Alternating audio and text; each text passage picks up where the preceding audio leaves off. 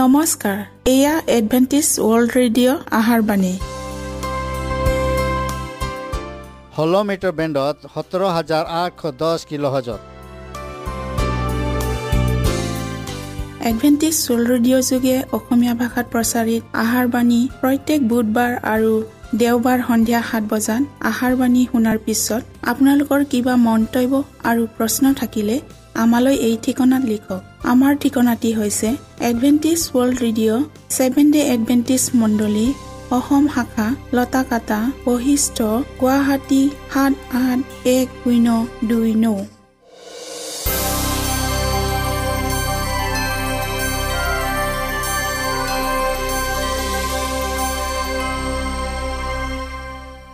প্ৰিয় শ্ৰোতা বন্ধুসকল এতিয়া শুনো আহক এটি খ্ৰীষ্টীয় ধৰ্মীয় গীত।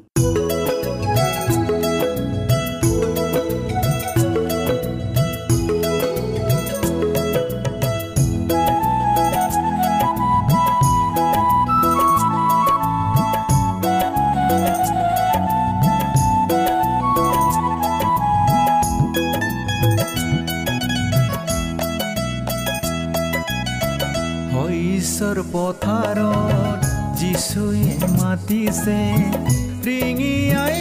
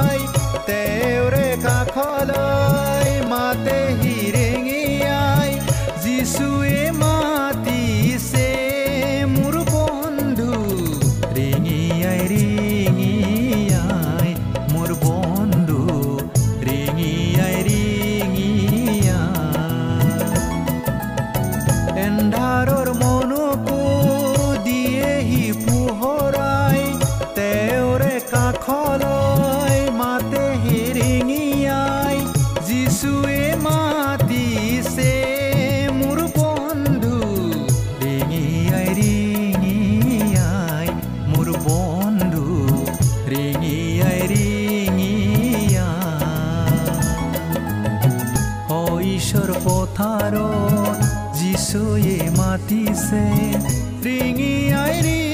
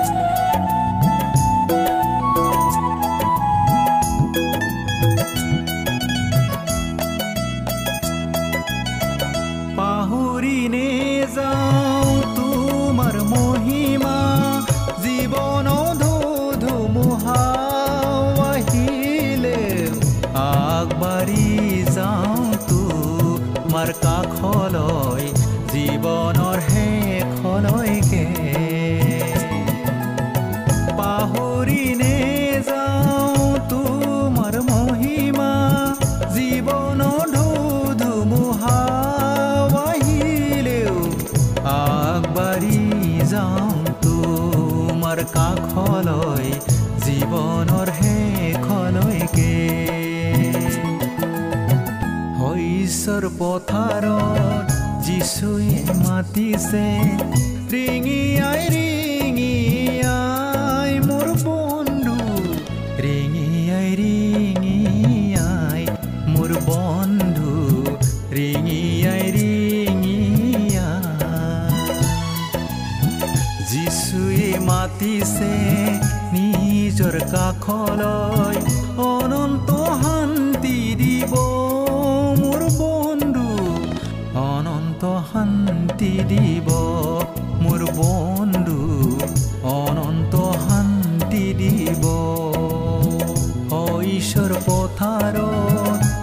যিচুৱে মাতিছে ৰিঙি আই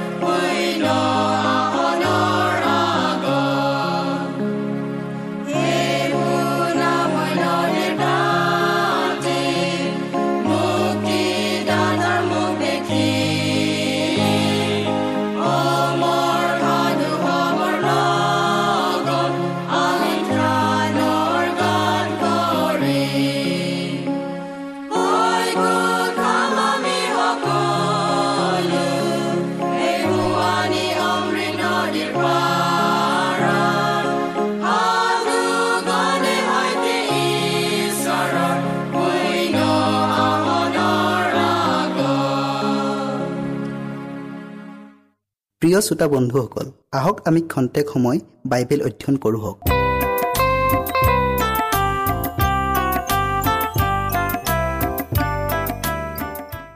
আজিৰ আমাৰ বিষয়টি হ'ল ৰাষ্ট্ৰীয় ধৰ্মভ্ৰষ্টতাৰ লগতে ৰাষ্ট্ৰীয় পতনো হ'ব। বাইবেল পত্ৰি লোৱা হৈছে যিচয়া চৌব্বিছ অধ্যায়ৰ পাঁচ পদ। পৃথিৱীয়েও তাৰ নিবাসীবিলাকৰ ভৰিৰ তলত অপবিত্ৰ হ'ল কাৰণ সিহঁতে আজ্ঞাবোৰ লংঘন কৰিলে বিধিটি পৰিৱৰ্তন কৰিলে চিৰস্থায়ী নিয়মতি ভাঙিলে। বিষয়টিৰ আগবঢ়াৰ আগত আমি প্ৰাৰ্থনা কৰি লওঁ হওক। হে কৰোণাময় ঈশ্বৰ জেহুৱা ধন্যবাদ প্ৰভু তোমাৰ প্ৰেম আৰু আশীৰ্বাদৰ বাবে। প্ৰভু আমি আজি অতি প্ৰয়োজনীয় বিষয়টি লৈ অধ্যয়ন কৰিবলৈ আগবঢ়াইছোঁ।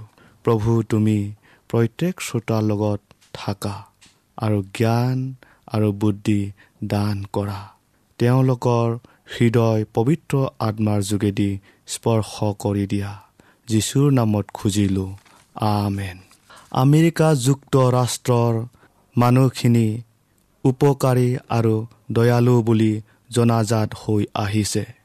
কিন্তু যেতিয়া সিহঁতে ধৰ্মীয় স্বাধীনতাত নিষেধাজ্ঞা আৰোপ কৰিব প্ৰটেষ্টান নীতিক বিসৰ্জন দিব আৰু নিজৰ ক্ষমতাক হাতত অৰ্পণ কৰিব তেতিয়া সিহঁতৰ অপৰাধ সম্পূৰ্ণ হ'ব আৰু ৰাষ্ট্ৰীয় ধৰ্মভ্ৰষ্টতা স্বৰ্গৰ পুস্তকত লিপিবদ্ধ কৰা হ'ব।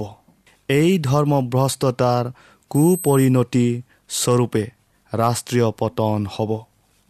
ঈশ্বৰৰ বিধান ভংগ কৰিবলৈ প্ৰতিষ্ঠা কৰা আনুষ্ঠানিক আইন প্ৰণয়ন কৰি ইয়াক পালন কৰিবলৈ আদেশ দিয়াৰ দ্বাৰাই আমাৰ দেশখনে ধাৰ্মিকতাৰ পৰা নিজকে সম্পূৰ্ণভাৱে আঁতৰাই আনিলে।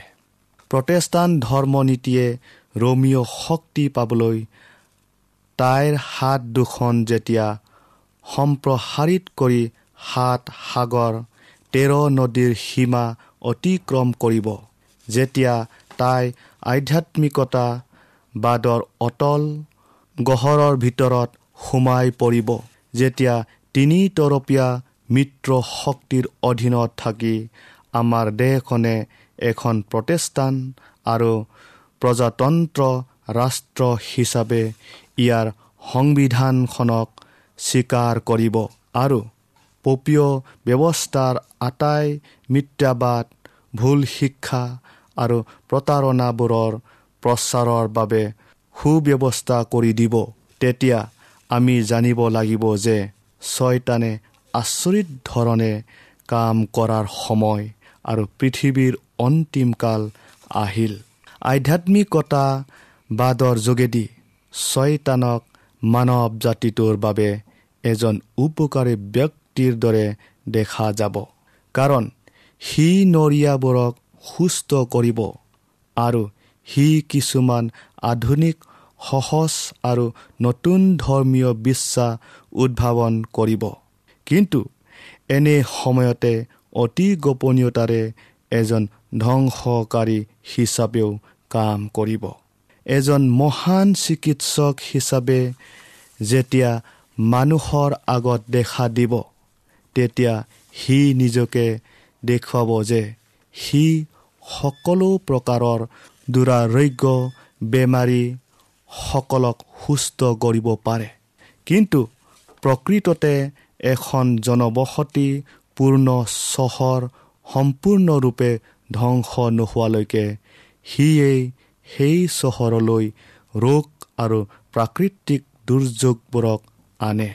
আৰু তাৰ পাছত সেই মহাপ্ৰতাৰকজনে যুক্তি দাঙি ধৰিব যে এইবিলাক সৰ্বনাশ হোৱাৰ একমাত্ৰ কাৰণ হৈছে ঈশ্বৰৰ বিধান পালনকাৰীসকল। তেওঁবিলাকৰ কাৰণেই এনে অমংগল হৈছে। লোকসমূহে ঈশ্বৰৰ ওচৰৰ পৰা অহাৰ লগে লগে এই অবাধ্য সন্তানসকলৰ ওপৰত নিজৰ শক্তি প্ৰয়োগ কৰিবলৈ ছয়তানে অনুমতি পায়। সি সুৰ সুৰাই সিহঁতৰ মাজত সৰ্বনাশ আনে। জল আৰু স্থলত অনেক প্ৰাকৃতিক দুৰ্যোগ দেখা যাব। অগ্নি আৰু বানপানীৰ দ্বাৰা ধন আৰু জনৰ বিস্তৰ ক্ষতি সাধন হ'ব। এই সকলোবিলাকৰ দোষ ছয়তানে সেইসকলৰ মূৰত জাপি দিব যিসকলে সি স্থাপন কৰা মূৰ্তিৰ আগত মূৰ নুডুবায় তাৰ অনুচৰ বৰ্গই এই ধ্বংসৰ মূলতে এই বিধান পালনকাৰীসকল বুলি সিহঁতক দেখুৱাই দিব। এই মানুহখিনিয়ে নীতি নিয়ম নামানি আন দিনটোক অপবিত্ৰ কৰে। তাৰ ফলতে এইবোৰ ঘটিছে বুলি সিহঁতে বিধান পালনকাৰীসকলক দোষাৰোপ কৰিব। তেওঁবিলাকে যদি ইয়াক ভয় কৰি আন দিনটোক পালন কৰিবলৈ বাধ্য হয় তেন্তে তেওঁবিলাকৰ বাবে এটা ভয়ংকৰ শেষ বিচাৰ বাট চাই আছে। প্ৰকাশিত বাক্য বাৰ অধ্যায়ৰ সোতৰ পদটো আকৌবাৰ আমি চাওঁ হওক। তাতে নাগে সেই তিৰোতালৈ খং উঠি তেওঁৰ বংশৰ অৱশিষ্ট লোক অৰ্থাৎ ঈশ্বৰৰ আজ্ঞা পালন কৰা আৰু যীশুৰ সাক্ষ্য ধাৰণ কৰাবিলাকে সৈতে যুদ্ধ কৰিবলৈ গ'ল আৰু গৈ সাগৰৰ বালিত থিয় হ'লগৈ।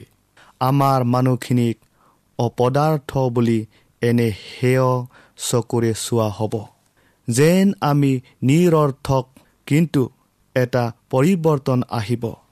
খ্ৰীষ্টান জগতখনে এনে এটা তৌল পাৰ লগোৱা পৰিস্থিতি সৃষ্টি কৰিব যাৰ দ্বাৰা ঈশ্বৰৰ বিধান পালন কৰা সকলৰ প্ৰতি সকলোৰে দৃষ্টি পৰিব। বিধান পালন কৰা সকলৰ বিপক্ষে শত্ৰু কৰাবলৈ সমুদায় জগতখনকে উত্তেজিত কৰি তোলা হ'ব। কাৰণ তেওঁবিলাকে খ্ৰীষ্টাৰীৰ শক্তিৰে প্ৰতিষ্ঠা কৰা অনুষ্ঠানৰ দিনটোক পালন কৰাৰ দ্বাৰাই পপীয় শাসনৰ প্ৰতি ৰাজভক্তি প্ৰদৰ্শন নকৰিব। তাৰ অধিপত্য যাতে জগতৰ পৰা হেৰাই নাযায়। তাৰ বাবে বিধান পালন কৰা সকলক জগতৰ পৰাই নিচিন্ন কৰাটোৱে হৈছে ছয়তানৰ উদ্দেশ্য। আমাৰ মানুহখিনিৰ দ্বাৰা প্ৰকাশ কৰা সত্যতাৰ প্ৰতিটো পৰ্যায় বিখ্যাত মানুহৰ মনৰ দ্বাৰা সমালোচিত হ'ব। পৃথিৱীৰ বিখ্যাত লোকসকলৰো বিখ্যাতসকল সত্যতাৰ সংস্পৰ্শলৈ আহিব। আৰু তাৰ বাবে যিসকল সত্যতাৰ বিষয়ে আমি সাক্ষ্য প্ৰদান কৰোঁ সেইবোৰ শাস্ত্ৰৰ লগত পুঙখানুপুঙকভাৱে পৰীক্ষা কৰা উচিত। এতিয়া হয়তো আমাক কোনেও লক্ষ্য কৰা নাই কিন্তু এনে অৱস্থা সদায় নাথাকিব। আমাক সন্মুখলৈ আনিবলৈ অনেকে অহৰহভাৱে চেষ্টা চলাই থকা দেখা গৈছে। আৰু বুৰঞ্জীবিদ আৰু পৃথিৱীৰ ডাঙৰ হাত দীঘল মানুহৰ দ্বাৰা যদি আমাৰ সত্যতাৰ তত্ত্বক ভাঙি ছিঙি উৰি পৰিব পাৰি তেন্তে তাক কৰা হ'ব। প্ৰিয় শ্ৰোতা বন্ধুসকল সত্যতানো কি? তাক আমি নিজৰ বাবে ব্যক্তিগতভাৱে স্পষ্টকৈ বুজিব লাগিব। আৰু যাক আমি আশা কৰোঁ তাৰ বিষয়ে নম্ৰতাৰে আৰু ভয়েৰে সৈতে অহংকাৰ গৰ্বী আৰু আত্মাভিমানী স্বভাৱেৰে নহয় কিন্তু কৃষ্টৰ আত্মাৰে উচিত কাৰণ দেখুৱাই উত্তৰ দিবলৈ প্ৰস্তুত থাকিব লাগিব। আমি এনে সময়লৈ ওচৰ চাপি গৈছোঁ যেতিয়া আমি আমাৰ বিশ্বাসৰ সম্বন্ধে অকলে ব্যাখ্যা দিব লাগিব ব্যক্তিগতভাৱে অকলেই বিচাৰ সভাত থিয় হ'ব লাগিব। প্ৰতিটো দিশতে আমাক আক্ৰমণ কৰা হ'ব। আমাক কঠিনতকৈ কঠিনতা পৰীক্ষাৰে পৰীক্ষা কৰা হ'ব। আমি যি বিশ্বাস পালোঁ তাক মাত্ৰ নিজৰ লগত ৰাখিয়ে ক্ষান্ত থকা উচিত নহয়। ইয়াক আমাৰ মা দেউতাই আমাৰ হাতত গতাই দিছে বুলি ইয়াৰ মূল্যক ত্ৰাস কৰা অনুচিত। এনেকুৱা বিশ্বাস আমাৰ আগত থকা মহাভয়ংকৰ পৰীক্ষাত কেতিয়াও থিস্তিব নোৱাৰিব। আমি কিয় ঈশ্বৰৰ বিধান পালনকাৰী তাক আমি জনা দৰকাৰ। আমি কিয় জগতৰ পৰা ওলাই আহি পৃথকে আছোঁ আৰু সংঘটিত হোৱা কাৰ্যবোৰক চিনিব নোৱাৰিম অথবা দেখা নাপাম। ই আমাৰ চাৰিওফালে পৰিলেও ইয়াক তুলি ল'বলৈ আমি চিনিকে নাপাম। ঈশ্বৰে আপোনালোকক আশীৰ্বাদ কৰক।